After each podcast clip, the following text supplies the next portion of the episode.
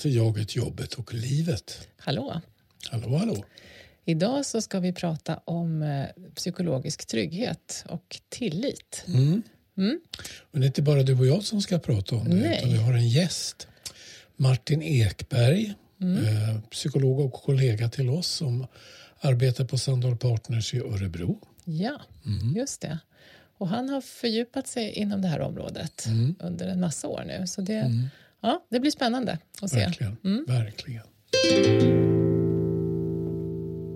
Ja, och då har vi Martin Ekberg med på telefon. Eh, välkommen Martin! Hej Martin. Ja. Hej, hej, Hej. alla Anna-Lena. Mm. Tack för inbjudan. Vad roligt att vara med Ja, Mm. i er fina podd. ja Mm. Roligt att ha dig här. yes. Mm. Men du Martin, nu har vi ju sagt lite kort någonting om dig här, vad, vem du är. Men, men eh, finns det något mer att säga? Vem är du? Ja, vem är jag? Jag är 62 år och har jobbat som psykolog i 35 och eh, gått lite olika vägar. Mycket intresse för psykoterapi och utbildat mig inom det. Och Mm. sen startat Sandals Örebro för 21 år sedan. Ehm, och eh, jobbat med organisationsutveckling sedan dess. Då. Mm. Mm. Mm. Ja, och då blir man ju lite nyfiken på det här. Du sa att du har utbildat dig och bland annat inom psykoterapi. Jag tänker, har det betydelse tror du för det här området vi ska prata om idag, just med tillit och psykologisk trygghet? Att du är särskilt intresserad av det? Ja, alltså det är svårt att veta så, men, men, men kanske absolut. Mm, Eh, och, och framförallt alltså processarbetet med att eh, inte bara prata om det i grupper utan få det att hända. Det är ju liksom det jag brinner för och har Mm. passion för. Mm. Att kan vi hitta enkla övningar som gör att människor tar steg i riktning mot att utveckla psykologisk trygghet och tillit och öppenhet i grupperna Mm. så känner jag att jag, att jag blir glad. Eller det vill jag bidra till. Mm. Det är Mm. det som jag har mycket energi för Mm. och en hel del erfarenhet nu. Då. Mm. Apropå psykoterapi eh, kontra organisationspsykologi så har man ju kanske i många sammanhang en bilden av att, att psykoterapi är oerhört mycket djupare än vad som pågår i en organisation. Men eh, jag misstänker att det inte riktigt är din erfarenhet. Eh, eller? Oj, det där, det där är en stor fråga. Mm. Ja, men, ja. eh, Jag menar men inte om så jag- hårdraget men liksom... Nej, men, men om jag får Mm. ta det på en liten annan bog så skulle Mm. man kunna säga så här att jag tycker det är väldigt intressant att se alltså personlighetsdynamik kontra eh, gruppdynamik. Mm. Vad är vad? Mm. Alltså var, var går crossover mellan personlighetsdynamik och gruppdynamik? Det vi vet från gruppdynamiken att man kan ha en idé om vem man vill vara i gruppen och så kliver man in i en dynamik som gör en till någon annan. Så här, det är lite Mm. drastiskt sagt men Mm. att man Mm. inte riktigt får, får luft under vingarna i, i relation till det man hade som intention utan man eh, tar en röst för gruppen som kommer ur en och man upptäcker att att det är svårt att liksom följa sin egen linje. Mm, Dynamiken är mm. kraftigare. Gruppdynamiken är en starkare kraft i många sammanhang, i alla fall när den har blommat ut, Mm. Mm. än, Mm. än vad personlighetsdynamiken är. Men det där, det där tycker jag är ett fält som man kan grunna. Mm. Mm. Kanske lite stickspår relation till Mm. temat idag, men ändå Mm. väldigt intressant. Mm. Och ett annat Mm. sätt att svara på din fråga, tänker jag. Mm. Mm. Mm. Mm. Mm. Ja, och om, om vi liksom leder via det här spåret och tillbaka in till just Mm. eh, tillit och trygghet och så. Alltså, när, hur kom du in på att intressera dig just för det? Hur började det? Ja, ehm, jag, jag stötte på Anders Wendelheims modell med eh, öppenhet och tillitsspiralen 2015 ungefär och tyckte det var en briljant modell. Och innan dess så hade jag och många kollegor med mig inom Sandals varit eh, under många års träning inom eh, systemorienterade systemcentrerade modeller och teorier. Och inom det fältet så jag ska säga, vi, vi, vi intresserar oss inte så mycket för den personliga tryggheten i, i det arbetssättet utan var väldigt upptagna av rollmål och sammanhang Mm. och kom väldigt långt med de modellerna. Och, eh, jag tror att ni i den här podden har fördjupat er i det många gånger. Mm. Oh ja. Så, så, Mm. så, så vi vet liksom att, att rolltagning och rollgivning och, och eh, medvetenhet om sammanhanget och målet hjälper oss att, att eh, bli förutsägbara och bygger en viss form utav trygghet och tillit i arbetsgrupper. Mm. Så vi, vi, jag och kollegor med mig vilade liksom i, den, i det perspektivet och tyckte under många år att det var nog. Ja.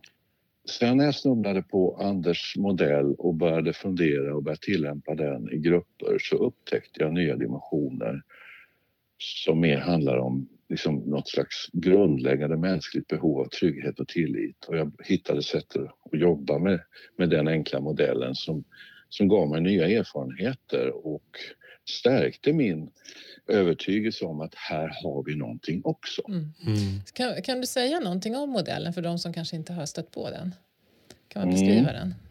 Ja, han eh, beskriver öppenhet och tillit som två poler kan man säga. Där eh, vi av erfarenhet vet att om jag är trygg och känner tillit så har jag lättare för att vara öppen. Å andra sidan så vet vi lika väl att öppenhet bidrar till trygghet. Människor som är öppna och visar sig mänskliga känner vi oss mer trygga med. Mm. Så då, då, då uppstår frågan, vad är hönan och ägget i det här? Och, och enkelt sett så kan man säga att det börjar alltid med öppenhet. Eller rättare sagt så här, öppenhet kan du förfoga över själv. Mm. Du kan, du kan stretcha dig själv och vara lite mer öppen med en intention att vilja bidra till en ökad trygghet. Så istället för att sitta på läktaren och säga väck mig när, när det är tryggt nog i gruppen så att jag vågar öppna mig Mm. så kan du ta lite ansvar för din personliga öppenhet och börja i den änden Mm. Mm.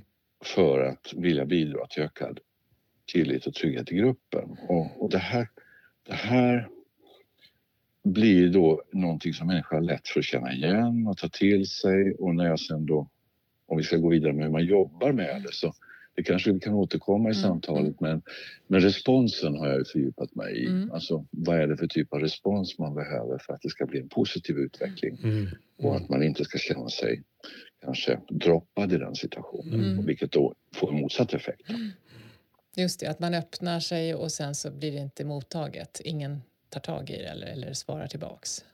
Är det det du tänker Precis. på? Mm. Ja, ja. Ska det bli en positiv process som bidrar till ökad trygghet i gruppen och tillit i gruppen så kräver det ju att responsen är godartad, att man känner att man blir mottagen väl. Mm. Så, så det är de två delarna jag har jobbat mycket med med grupper. Mm. Vad är det för slags mod som krävs för att stretcha sig och vara lite mer öppen? Och vad är det för slags respons vi behöver? Och hur kan vi jobba med normer och commitment kring vilka responser vi vill ha för att stärka en positiv utveckling och spiral i gruppen? Mm. Och sen kan man relatera det till ledarskapet i gruppen då. För att ledaren sätter ju ofta ribban i den här processen. Mm. Mm. En prestigefull och rädd ledare sätter en gräns för Mm. hur långt gruppen kan utvecklas när det Mm. gäller trygghetsspiralen. Mm. Men det här är ett briljant och enkelt sätt att tänka som jag då mötte 2015 och som jag började jobba med i grupper Mm. och eh, blev väldigt fascinerad av och då upptäckte jag att här finns ju någonting. Det är klart att det här är fullständigt grundläggande för, eh, för gruppers utveckling osett rolltagning, rollgivning, Ja. mål och, och sammanhangstydlighet. Men det räcker ju inte, vi behöver ju det andra också. Mm. Varje dag i veckan behöver vi rolltydlighet och måltydlighet. Mm. Eh, men det tillför någonting. Mm. Och eh, utifrån den träning jag och många med mig hade inom systemcentrerat arbetssätt så var ju det här med den personliga tryggheten lite överflödig. Eh, kan man väl säga försiktigt. Då. Mm. Men, men, men jag kommer att uppleva att den är grundläggande. Mm. Mm. Och- sen så, så en, en liten bit till i det här, det är Mm. paradoxen då. Det är paradoxen i det här och det är ju att med ökad trygghet så har vi lättare för att stanna kvar i roll. Mm. det är inte ett hot för rolltydligheten utan det är tvärtom lättare att stanna kvar i rolltagning om tryggheten finns där. Ja. Vi blir bättre på rolltagning om vi är trygga. Mm. Mm. Mm. Och får man ihop det, då händer det grejer i gruppen.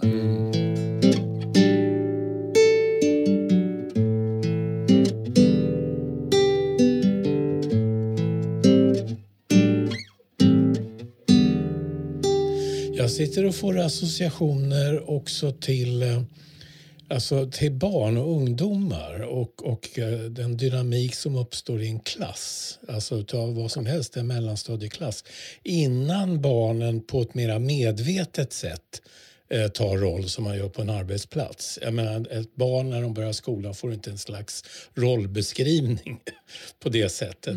Men, men, men att de här behoven av trygghet eh, börjar ju jätte... Eller ja, det finns ju med redan från det att vi föds egentligen. Men, men Mm. det slog mig bara att, att i, en, i en skolklass, om man skulle iaktta den när många av barnen inte alls har något begrepp för roll och rolltagning och rollgivning så finns ju de här trygghetsbehoven där.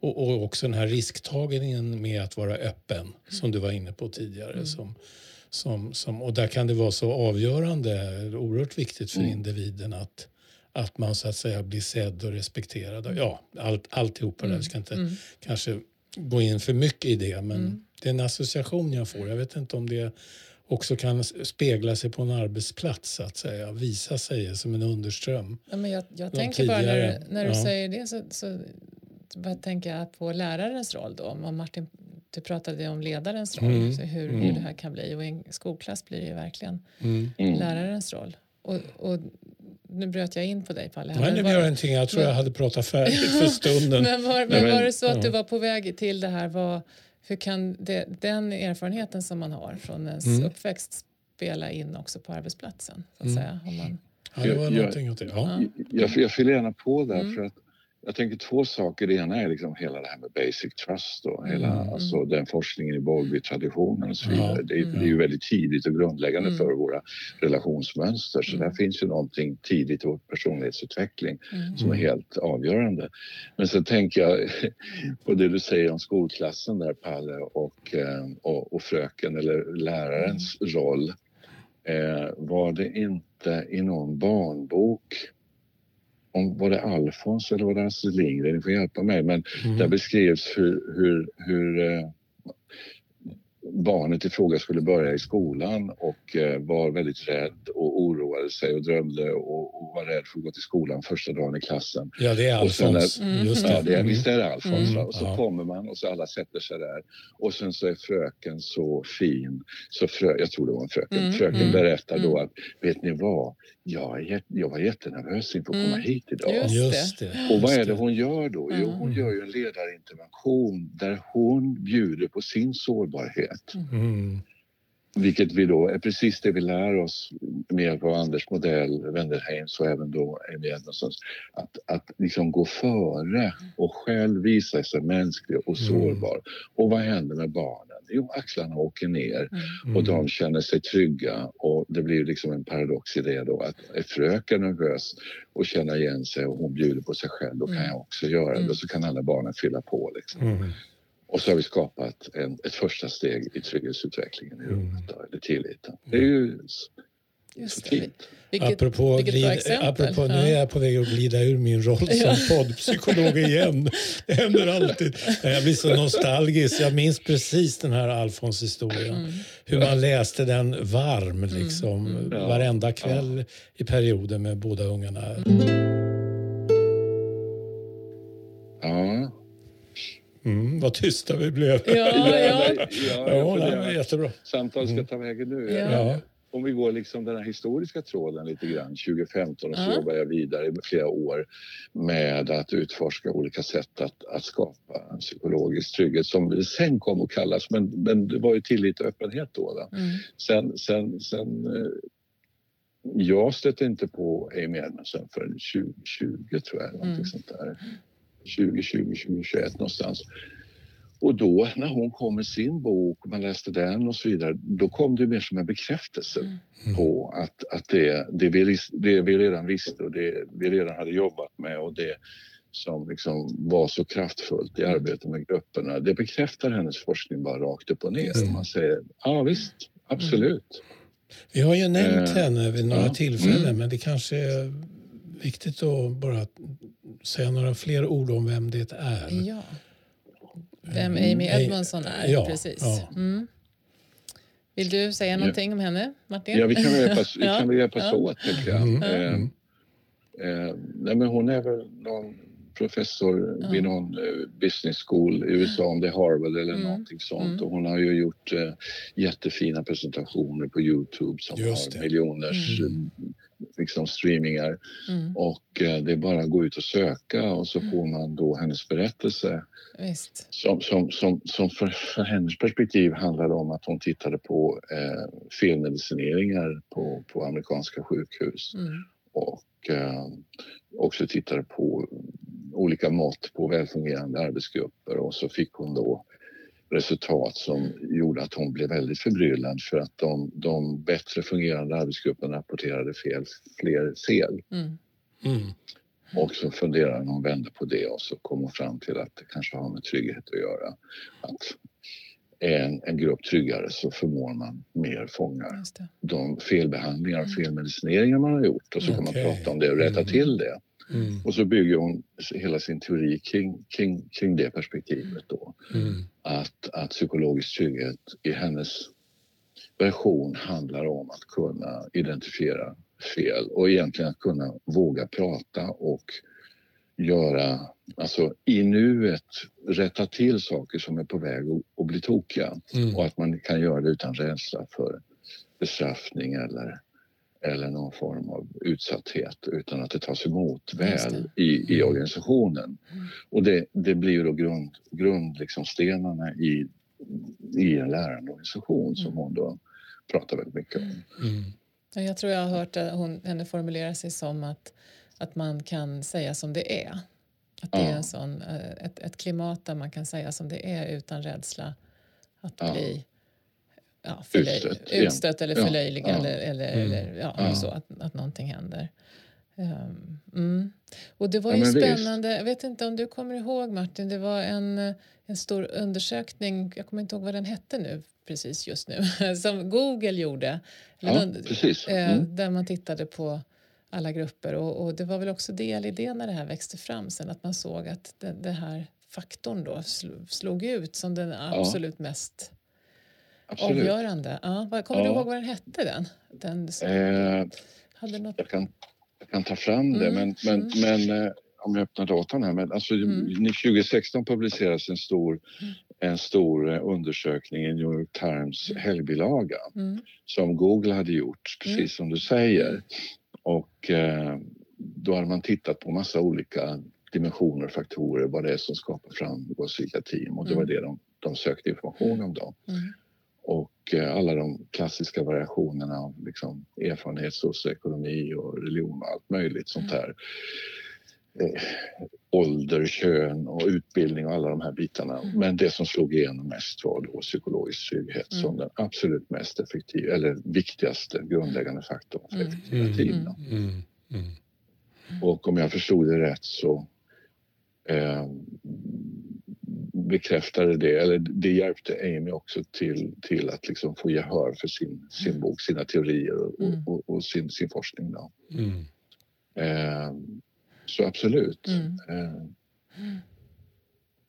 och sen, sen, sen, eh, sen pratar vi ju nu och då om psykologisk trygghet som, Mm. som, som ett parallellt spår till det här med tillit och öppenhet. Då, då. mm, Ja, var, var det ligger skillnaderna här? Då? mm.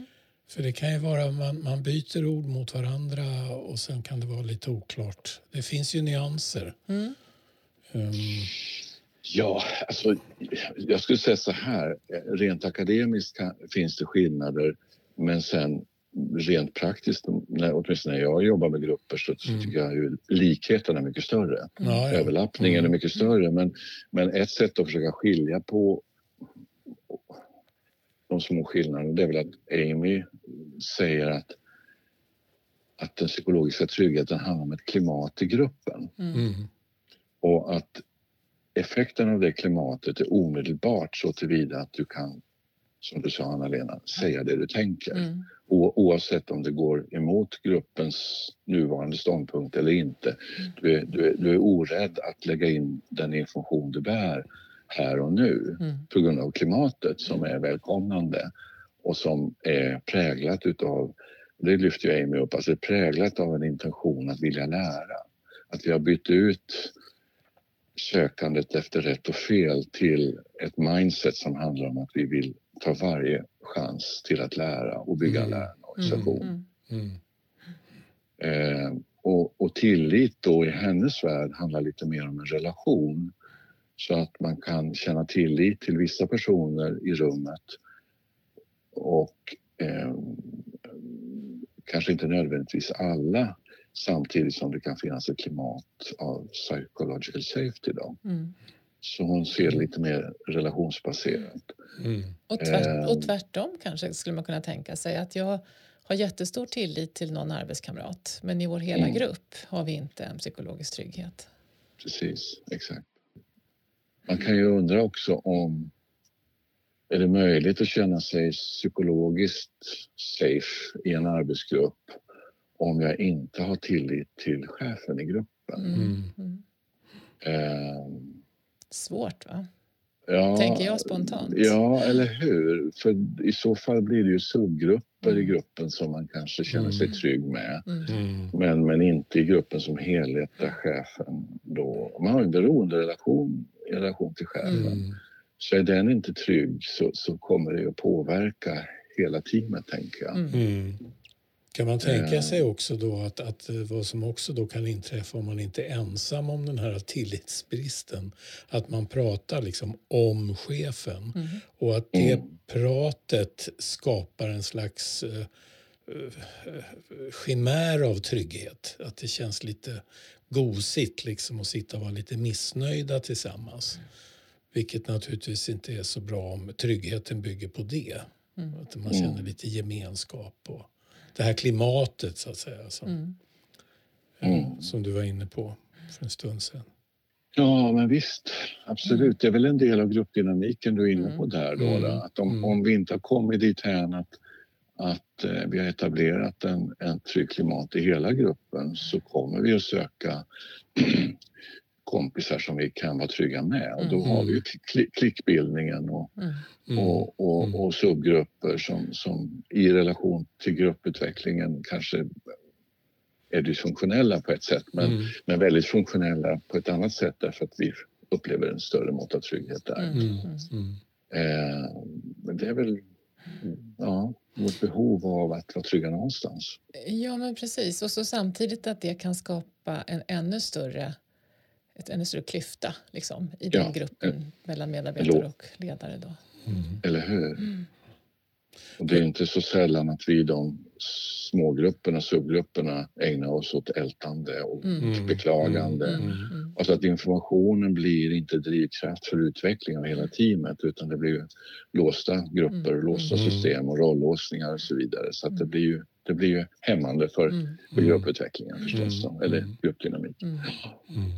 Men det är ju jättespännande. Jag bara tänker på det vi, vi far runt här nu. Att, att då blir det ju på något vis att kan, vi- kan, vi in, kan inte informationen som behöver komma fram komma fram liksom i hela Mm. gruppen då, Mm.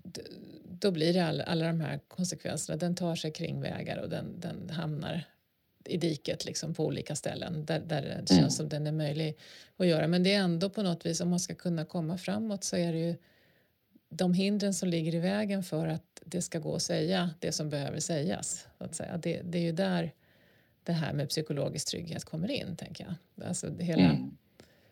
Eh, om man liksom vänder på det och tänker vad blir konsekvensen om man inte har psykologisk trygghet? Så tänker jag det är det vi pratar om lite grann nu mm. också. Mm. Ja, så är det. Mm. Ja. Mm. Mm.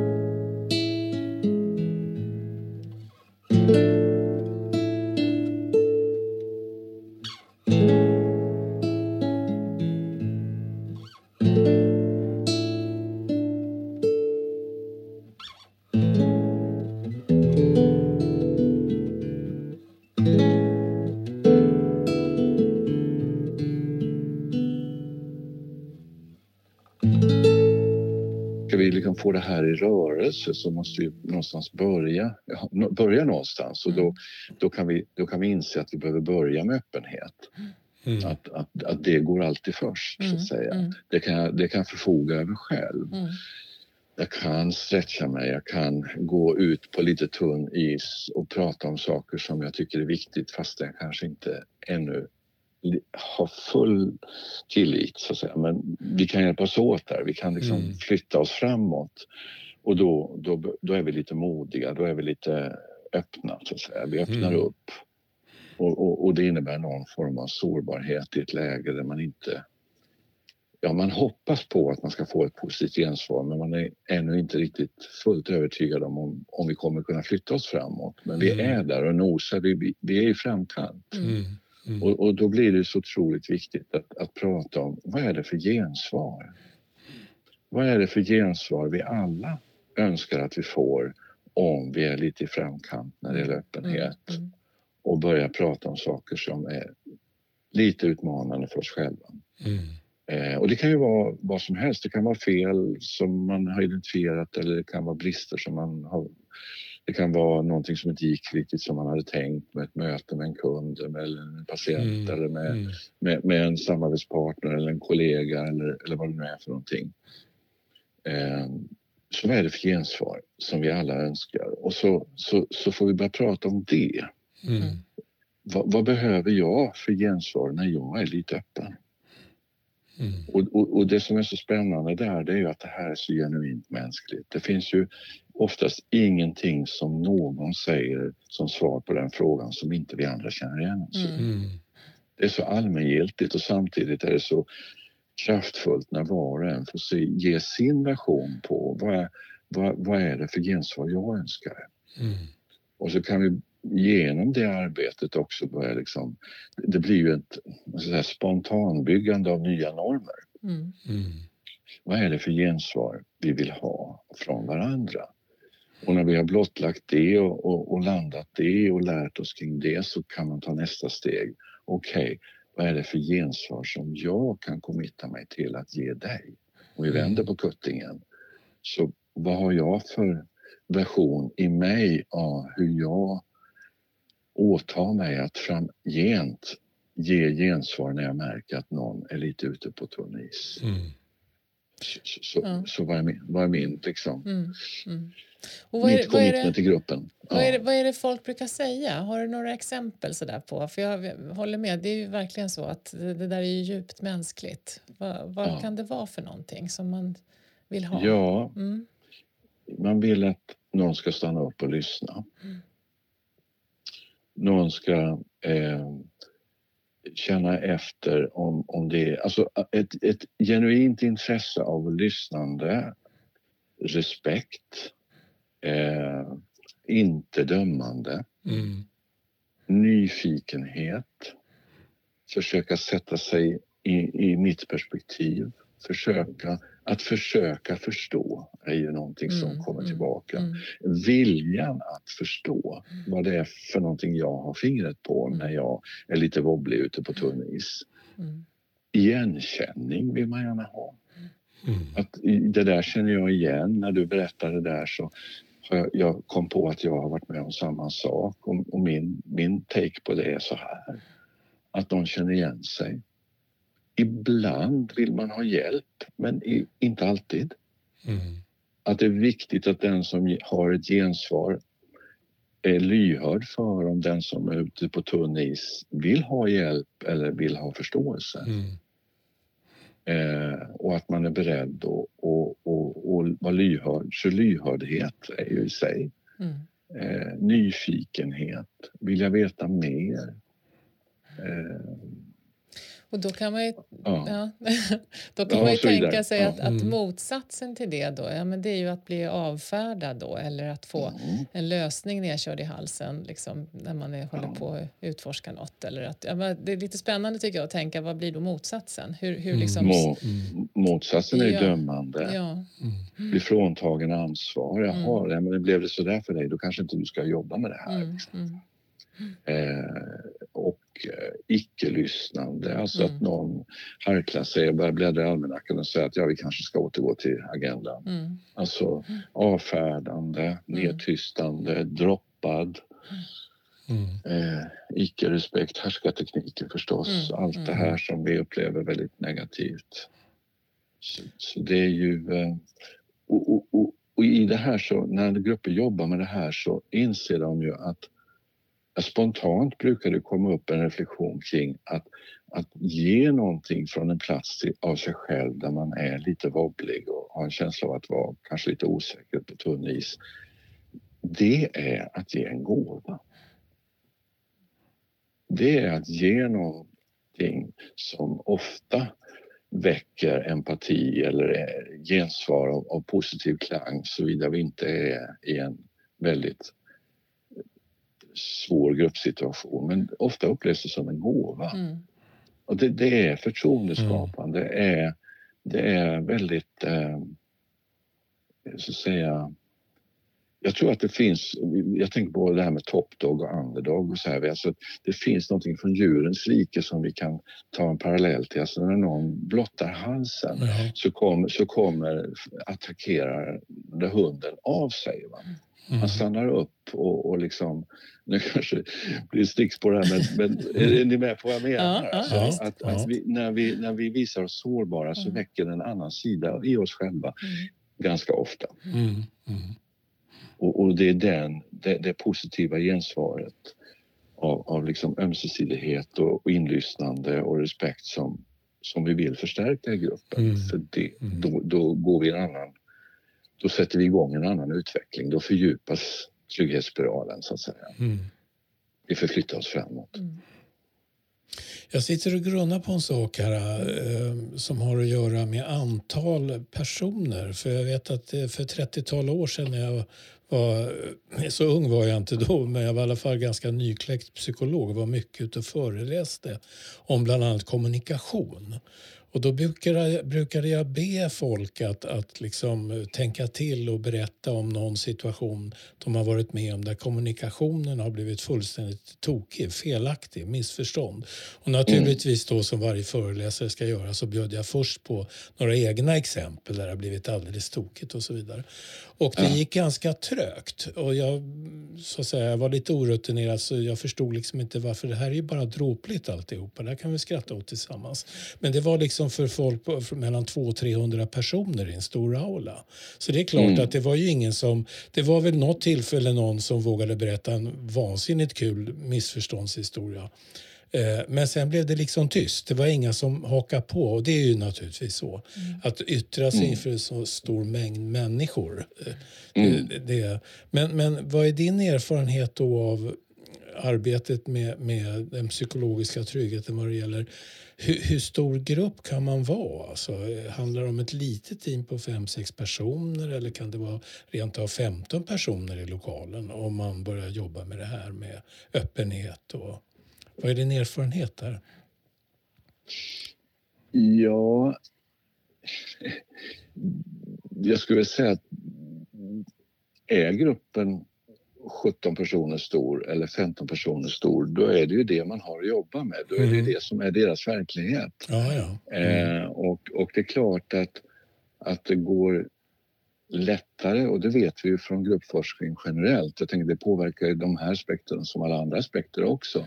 Eh, att det är kanske lättare att, att utveckla en grupp mot psykologisk trygghet som är 7-8 personer Mm. än att den är 15, 16, 17 stor. Mm. Eh, men omvänt kan man ju säga att det, det blir inte mindre viktigt på Mm. grund av det. Nej, nej. Ehm, och eh, jag har jobbat med grupper som är 16-17 personer där vi gör det här jobbet och där det sker en dramatisk förändring Okej. tack Mm. vare alltså kombinationen av rollmedvetenhet, sammanhangsmedvetenhet och eh, rolltagningsförmåga, träning i det och Mm. träning med både psykologisk trygghet och öppenhet och tillit är, är, är kraftfulla verktyg som gör en dramatisk skillnad. Mm. Eh, och jag kan väl nämna att tidigare så, jobbade jag ofta så att jag började med rolltagningsmodellerna men de senaste åren så numera börjar jag alltid med psykologisk trygghet och öppenhet och tillit. Och sen Mm. lägger jag till, sen lägger jag till liksom rolltagningen som, som, en, som en modell till som hjälper oss att också skapa trygghet Ja. och för, förutsägbarhet så att säga Mm. när vi är rolltagande och när vi jobbar med vår egen förmåga att inte ta saker och ting bara personligt utan Mm. hitta in i, i systemet så att säga så hjälper det oss också. Mm. Men de kompletterar varandra. Mm. Som vi, var, Mm. vi var på lite grann inledningsvis. Alltså, trygga människor har lättare för att stanna kvar i roll. Mm. Mm. Och tydliga roller Visa. och Gör rollbeteenden det lättare. skapar Gör det trygghet. lättare. Ja. Mm. Ja, ja. Mm. Eh, Jo, de skapar trygghet. Samtidigt så är min erfarenhet att den trygghet som skapas via rolltrygghet är en jättebra dimension. Mm. Men den räcker inte för att skapa den grundläggande tryggheten. Mm. Det finns ett lager till Mm, absolut, Mm. visst. Mm. som Visst. handlar om att hantera rädslan Mm. för utanförskap Mm. i, i gruppen. Mm. Eh, och det är ju roll, det är jättehjälpsamt. Mm. Jag skulle aldrig någonsin jobba med en grupp utan Mm. att jobba jättemycket med rolltagningsförmåga. Mm. Mm. Och jag skulle heller inte ta bort det här med psykologisk trygghet och öppenhet Mm. och tillit. Nej, men det är klart, alltså roll, roller, rollgivning och rolltagning, eh, i alla fall i en dynamisk organisation som påverkas av omvärlden. Mm. Eh, Ja. där skift, det förändras ju över tid Mm. också. Medan den här psykologiska tryggheten, ja, om jag har fattat det rätt nu, Mm. den, den är mera basic. Ska helst förhålla sig opå, eh, all- alltså mer opåverkad i alla fall Mm. av alla svängningar som sker i organisationsvärlden och så. Mm. Så uppfattar jag det Mm, just mm. nu. Ja, jag tänker att den, den finns som en tillgång för att förhålla sig till de här Mm. svängningarna. Mm. Då. Alltså har, vi, har man en psykologisk trygghet så kan man dela sin förvirring inför Kring sin roll. ja, sin roll eller sin, sina eh, ja, osäkerhet kanske inför vad som gäller för en nu eller mm. saker man har missförstått eller vad det nu kan vara. Och Ja. då, då kan man hjälpas åt och, och reda i det, Mm. tänker jag. Och, Ja, ja. precis. Mm. De är ömsesidigt förstärkande Mm, kanske man kan mm, säga.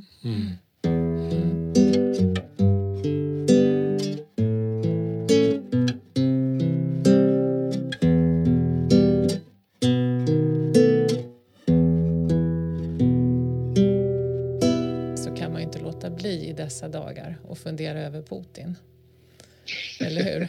Alltså, Oj, oj, oj. som, som precis som andra diktatorer Ja. i historien. Ja. Alltså, eh, inte är känd för att visa sig sårbar precis. Utan det är ju Nej. liksom motsatsen. Och jag, jag tänker Mm. man blir ju så nyfiken på vad som händer runt omkring. Mm.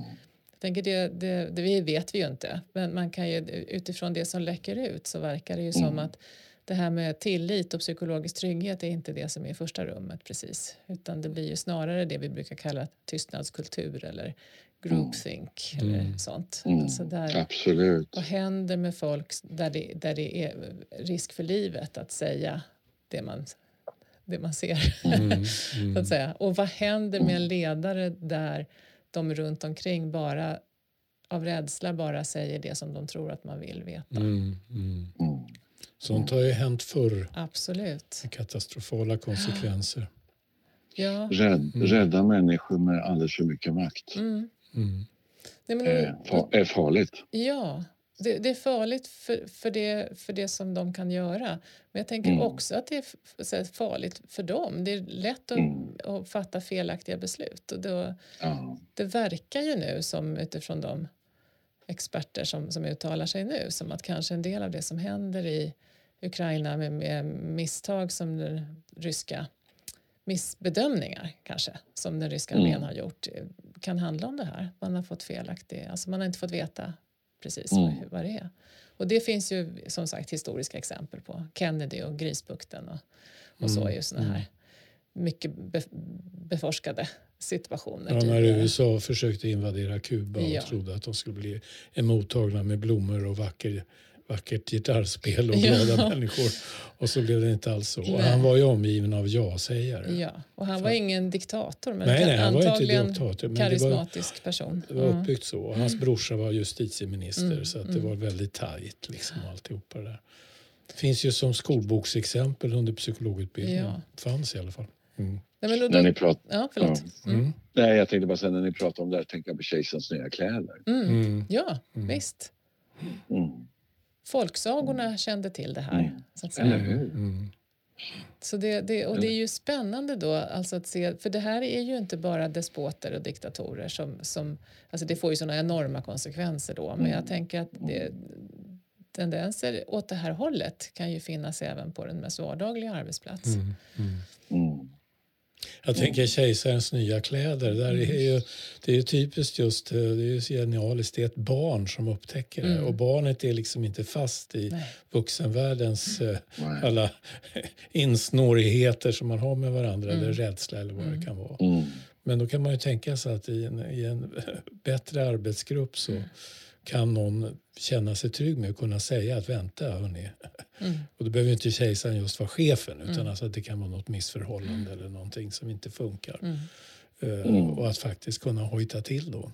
Att vänta Mm. nu, här är någonting som är alldeles snett eller Mm. tokigt. Mm. Liksom. Eller det här begriper jag inte. Så. Jag träffade en, Mm. en, eh, en chef för en organisation med 2 500 anställda som hade en ledningsgrupp på kanske 8-10 personer, ett stor ledningsgrupp.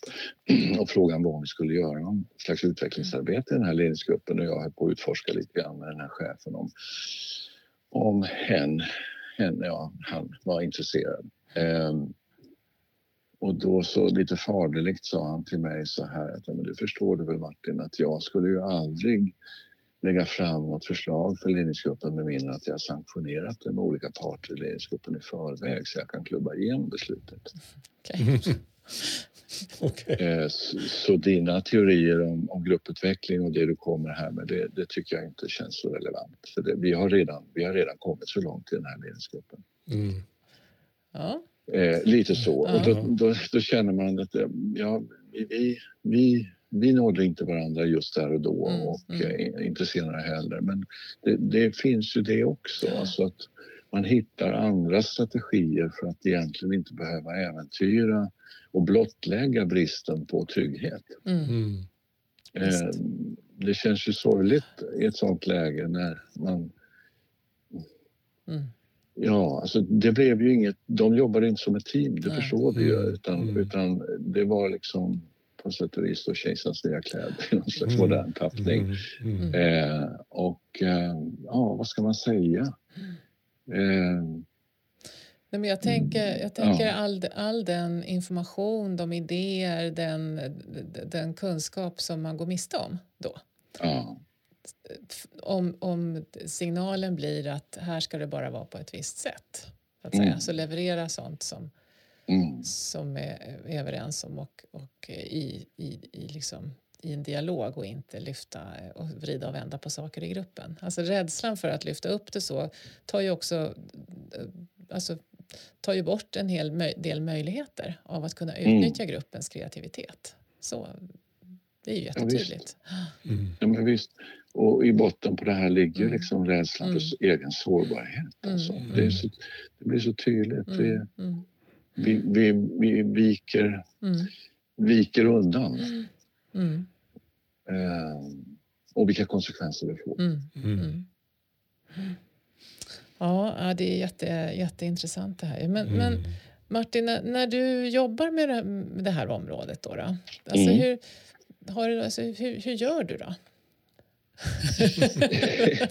Avslöja dina yrkeshemligheter Nej, men vad, vad vet tycker- om, hur kommer man framåt? Ja, du har ju pratat om det här att man Jo.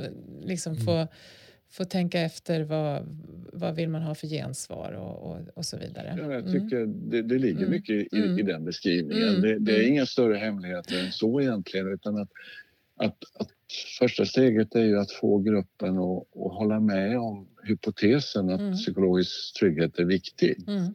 Mm. Och att eh, som Amy säger, det bästa vi kan göra är att försöka närma oss en lärande organisation Mm. tillsammans. Mm. Och att få liksom få medhåll i det. Mm. Att man Mm. accepterar den Mm. hypotesen. Mm. Och sen så lägger man på det här med, med öppenhet och, Mm. och tillit och, och få accept för nästa hypotes. Och det är att, att vi, om vi sätter oss på läktaren och väntar till att det ska bli tillräckligt tryggt så Mm. kommer det inte att hända. Mm. Eh, utan då sprider sig en mer rädslekultur att vi sitter och väntar in att tryggheten ska komma av sig själv och det gör den inte. Nej. Vi måste hitta någon form av första steg, någon form av öppning. Vad Mm. kan vi göra för att få, få snöbollen att börja rulla? Mm. Och, och, och, och, och som Anders säger, Händelhem, alltså öppenhet kommer alltid först. Mm. Och då, då är min erfarenhet att det är bra, det kan vi säga, men det räcker inte. Mm. För att öppenheten ska börja utvecklas, är min erfarenhet, och nu tror inte jag ska uttrycka mig som att jag argumenterar mot Anders, det är inte alltid, för, för han, han har full koll på det här, så det är inte så. Men, men, men när jag då ska hitta ett sätt på mitt sätt att jobba med det så, så blir då gensvaret det som är så otroligt viktigt att jobba med. Mm. Mm. Eh, och, och börja odla förmågan till både ökad öppenhet och till ökad förståelse av vilka gensvar Ja. som får det hela att häkta i. Va? Mm. Mm. Så vi behöver träna oss Mm, i mm. vår förmåga att ge goda gensvar. Och vi behöver träna oss i vår förmåga att se när någon Mm. är öppen. Mm. Mm. Så gruppen blir mer medveten och fångar situationer där någon öppnar sig lite grann. Mm. Mm. Och, och det händer ju det händer ju när jag jobbar med grupper där vi har gjort det här och gått ett par varv kring det här och vi sen eh, är i stad med någonting annat. Och plötsligt så är det någon individ i gruppen som eh, säger någonting som i stunden innehåller en ökad öppenhetsgrad och gruppen blir tyst. Mm. Eh, och då kanske vi är ett par dagar fram i träningen och då, då så stannar jag gruppen och säger Hallå, ser ni vad som händer? Mm. Det här duger inte. Mm. Här är wake up call. Mm. Nu ser vi att, att eh, Ulla, Kajsa eller Olle eller Petter här nu kliver fram och, och lite grann bjuder på någonting som är lite wobbligt Mm. och ni blir Mm. tysta. Mm. Ser ni vad som händer? Det här är inte okej. Mm. liksom. Så de behöver ju fortsatt träning i, eller vi behöver allihopa Mm, fortsatt träning i att bli medvetna om att nu, här händer det. Mm. Mm. Och att ha liksom lite mer känselspröt för vad det är som pågår i gruppen.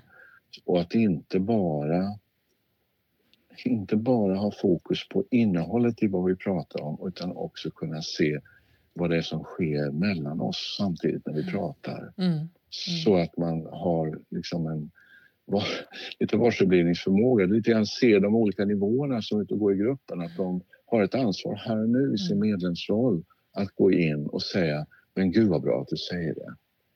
Eller någonting och Mm, ge ett mm, positivt gensvar. Mm, mm.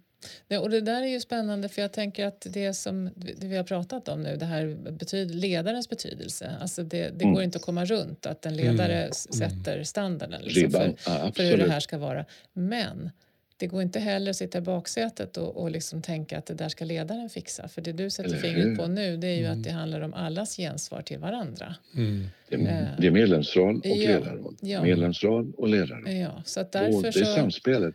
Därför så tänker jag att det är, det är en, en dimension som är jätteviktig. Alltså Mm. att, eh, för dels, jag vet att Amy Edmondson hon har ju en liten trestegsraket liksom, när det gäller vad, vad en ledare kan göra med att liksom, Mm lyfta fram hur komplext arbetet är eh, och lyfta fram att, man, att, att han eller hon inte ensam liksom har alla svaren utan liksom bjuda in till, till eh, Humbleness. Hon Ja. pratar om humbleness. ja. Precis, till delaktighet. Och sen att välkomna de, de idéer, de tankar och de ifrågasättanden och så som kommer. Och, och så, så det är ju jättebra som ledare tänker jag att hålla sig i. Men det, men det du lyfter fram som är så, så himla viktigt det är, ju, det är ju allas vårt ansvar för hur vi svarar på varandra. Liksom. Ja, ja. ja men precis. Och, och där, där är väl rolltagningsträning vi har hjälpsam. Alltså Mm. Amy pratar om mindset för det första. Mm, Ändra mindset från att söka fel till att bygga en lärande organisation. mm, Och hon Mm. pratar om, om humbleness, så att le- ledaren ska gå före mm, och vara, odla sin egen förmåga att vara icke allvetande Mm. utan be om hjälp Mm. och liksom Mm. be om gruppens eh, kompetens Mm. och aktivera den Mm. Mm. Och så. Mm. Och, och eh, ställa frågor Mm. och uppmuntra liksom, lärandet Mm. på det viset. Mm. Och sen nyfikenheten i det så att säga. Men, men precis som du säger, jag, Mm. jag tycker att man behöver lägga till liksom den här dimensionen Mm. av, av mod och gensvar Mm. som, som, som är så centralt för, för tillitsspiralen. Då. Mm. Mm. Hur ska vi få bollen att börja rulla? Mm. Eh, och, och det är ett medlemsrådsansvar och det är ett ledaransvar och, och att vi gör det ihop. Mm. Ingen, ingen kan checka ur i det. Nej.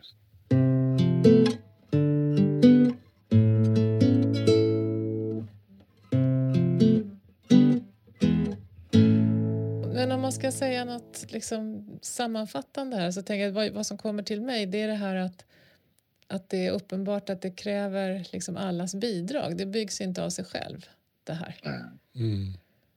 Eh, och så att det är både som ledare verkligen jätteviktigt att tänka på men, men också som att, att det, är, det är liksom inget som man vilar sig fram till utan det är något som kräver aktivitet och medvetenhet. Kan man säga så? Jag ska hålla med, Mm. absolut. Mm. Och, och möjligen lägga till att det då också är en ömtålig planta. Mm, mm, Mm. Så att jag tänker det är någonting man behöver vårda. mm, Och det säger Edmundson säger att eh, om det här är, om, om ni vill lyckas med det här på Mm. riktigt mm, så måste ni inse att psykologisk trygghet är ett lika viktigt strategiskt utvecklingsområde för organisationen som alla andra strategiska initiativ för att Mm. utveckla verksamheten. Mm. Och, och det är hennes sätt att formulera sig. Mm. Och I en Mm. värld så betyder precis som du sa, vi måste göra det tillsammans mm, och att det är en kontinuerlig process. Mm. Jag tror att det är en, det är en planta man måste vårda och se till att, att den består. För, för det enda vi vet är att allting förändras hela tiden. Mm. Vi kommer möta nya utmaningar, människor kommer sluta, nya kommer börja. Vi kommer omorganisera, vi kommer utsättas för krav på effektivisering med det ena med det tredje och i allt detta som pågår hela tiden ska vi lyckas bevara eller i bästa fall vidareutveckla den Mm. psykologiska tryggheten, öppenheten och tilliten. mm, Så det är ju eh, det är ju en jätteviktigt ansvarsområde för chefen att ha koll Mm. på och kunna jobba konstruktivt och få liksom, om, om, om ledaren ska ta över ansvaret när konsulten har gått hem så att säga, och göra det tillsammans med medarbetarna och göra en krok kring det här så, så kräver det ju någon form av liksom, medvetet val och, Ja. och, och att lägga energi på, Ja. tänker jag. ja, mm, Det slår mig, jag får associationer till en podd som vi hade för eh, ganska länge sedan med Tor, vår kollega på Sandal Mm. I Stockholm, om det här med Ja. förändring. Och han presenterade ju Mm. modeller som visar på eller menar att det är inte förändringen i sig som vi nödvändigtvis känner motstånd mot eller, eller inte vill ha, utan det är känslan av förlust. mm, En Ja, förändring just det. och då tänker jag det här med att jobba Mm. med psykologisk trygghet och öppenhet mm, under till exempel en stark förändringsprocess. Då, då är ju det en slags kompletterande bild av ja, vad är det som liksom händer med Mm. oss när det här sker. Mm. Och att, att kunna då vara, våga vara öppen Mm. kring sina känslor av förlust. ja, Det kan ju vara en del av Mm. ens roll man har haft som kommer Mm. att försvinna, Mm. som man har trivts med. Eller ja, you name it. Mm. Men, men, um, så det är jätte... Det griper in liksom i olika absolut. områden i en organisation. Mm. som Det är jättebra. arbetsgrupp- Mm. Arbetsgruppsliv. Liksom.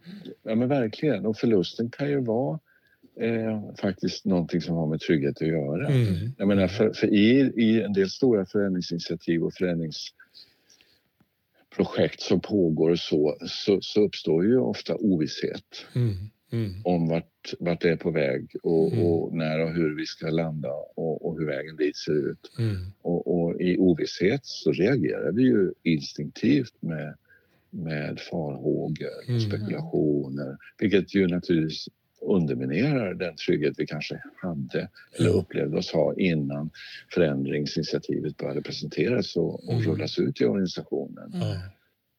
Eh, Ja, men, och Ja. jag tänker också liksom, eh, ett klimat där jag också kan säga att jag, jag känner av en förlust av aspekter av min tidigare roll eller så och Mm. att jag då inte döms som bakåtsträvare eller liksom få det nedkört i halsen att här, här är det bara liksom tjofaderittan Mm. förändring. Mm. Utan Mm. att, att vi, man kan hjälpas åt och också bära den aspekten. Mm. Och får man säga det, det Mm. vet vi ju Mm. När vi jobbar med grupper och individer att får man dela någonting Mm, mm. sånt så blir det mycket mindre jobbigt att bära Mm. och det, det växer inte inombords. Mm. Du börjar inte äta en Mm. inifrån Mm. utan Mm. kan vi dela det, bära det tillsammans utan någon form av repressalier eller, Mm. eller negativ reaktion så blir det så ändligt mycket lättare också att släppa taget kring Mm. det och gå vidare. Mm. Mm. De, delad Mm. smärta är lättare smärta, Mm. delad Mm. sorg är lättare sorg. Mm. Alltså Mm. allt, allt det här som Mm. oroar oss kring och plågar oss Mm. blir så mycket enklare. Ja, men verkligen. Ja, Ja. alltså det känns ju som jag skulle kunna dra i hur många trådar som helst Oh ja, kring det här. Det oh ja. går i, i en mängd olika spännande områden. Men, men är det något mer som du känner, Martin, som, som vi inte har fått med så här långt? Som du känner att det här ska vi också se till att det kommer med? Eller är vi... Det går Ja, att runda av? Mm. Ja, jag tror- Mm. Mm. För nu, ja. Ja. det var väl b- bra början det här. Ja. Mm. Ja, eh, absolut. Mm. Eh, och som du säger, det här är så stort så det här går ändå att vrida på mycket. Mm. Mm. Mm. Men, men eh, Nej, men precis. Och det är som det här sista exemplet som Palle tog, att det går in i en massa andra områden så att man kan liksom, det, det blir jättetydligt Mm. hur, vilken Mm. betydelse det Mm. har. Mm. jag tänker liksom att det är något djupt mänskligt i det här. Mm. Att vi människor undviker smärta. Vi Mm. undviker risk. Vi Mm. undviker det som, som vi kan föreställa oss eller uppleva som ett hot. Mm. Mm. Mm.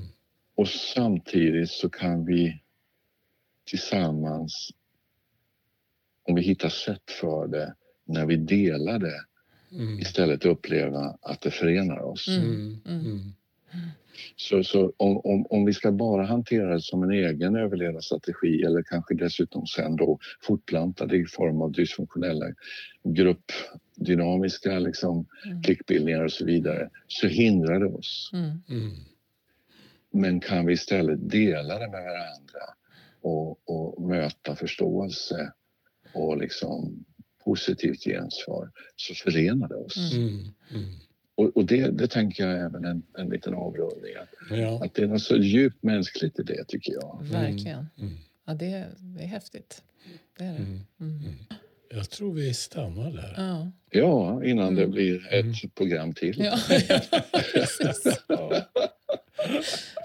Ja. Det var jättefint. Ja. Jätteroligt att ha dig med Martin. Mm. Ja. Väldigt Ja. berikande och ger upphov till mycket tankar och funderingar som tanken är Mm. med podden. Mm. Och att inte bara vi ska sitta och fundra utan även lyssnarna naturligtvis Ja, i första hand. visst.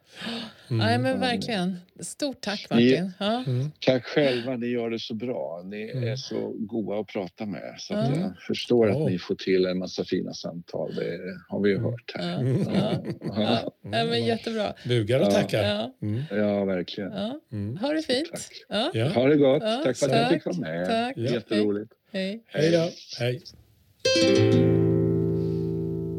Mm. Det här var väldigt tänkvärt. Det säger jag varenda gång vi har haft en gäst. Ja. Vi, har, vi har tur med gästerna. Ja, men Mm. verkligen. Verkligen. Mm. Ja. Mycket att fundera över. Ja, det är det. Mm. Och, och jag kom på här nu att eh, vi kom så in i det här samtalet så att jag glömde helt bort att jag hade flaggat upp att vi också skulle prata om tillitsbaserad styrning och ledning. Oj, ja, just Ja, det. eller Ja, hur? men det stämmer. Ja. Mm. Men det är ingen fara. Nej, Det finns flera tåg. ja, vi Mm. får helt enkelt ge ett alldeles eget utrymme Mm. för det här lite Mm. längre fram. Mm. Nu var du lite öppen just med det. Ja. Att du faktiskt hade, så att säga, inom citationstecken begått ett misstag. Det har du rätt Mm. i, just det. Mm. Och jag hackade inte direkt på Nej, dig då. nej. Mm. Då, nej, det är bra. Mm. Bra exempel på att vi... ja, Ja. faktiskt. Ja. Mm. Ja, nej, men vi får väl spana efter alla såna här situationer som uppstår. För det gör ju det hela tiden faktiskt i vardagen. Mm. Eh, när man har möjlighet att bete sig på ett sätt som gynnar det man själv också vill ha. Mm, mm. Det är ju rätt intressant Mm, alltså att se. mm. Inte ligga där och låta sig bli väckt så småningom. Nej, utan- precis. Mm. Mm. Ja, Ja, nästa gång då? Mm. Vad händer då? Ja, precis. Nästa gång så, om vi sa så här att psykologisk trygghet är ett populärt begrepp nu, Mm. så ska vi ägna oss åt ett annat populärt begrepp Mm. eh, nästa gång och, och det är det här med mindfulness. Mm. Och då kommer också en gäst, Ja, nämligen jag. ja, precis. Det blir konstigt apropå roll och person. Ja, men du har ju liksom ägnat många år åt det här området där Ja. man kan säga att mindfulness ingår. Så att Mm. Då tänker jag att vi får prata om det och jag Mm. är lite nyfiken på att höra mer om dina tankar kring det. Ja. Faktiskt. Mm. Mm. Jag är också nyfiken på vad jag själv tycker och Ja, tänker. eller hur? Det blir jättebra. Så, tema mindfulness nästa gång. Ja. Ja, ja tack för idag. ja, Mm. tack själv. Och på återhörande alla Ja, lyssnare. absolut. Ja. Mm. Hej då! Hej då.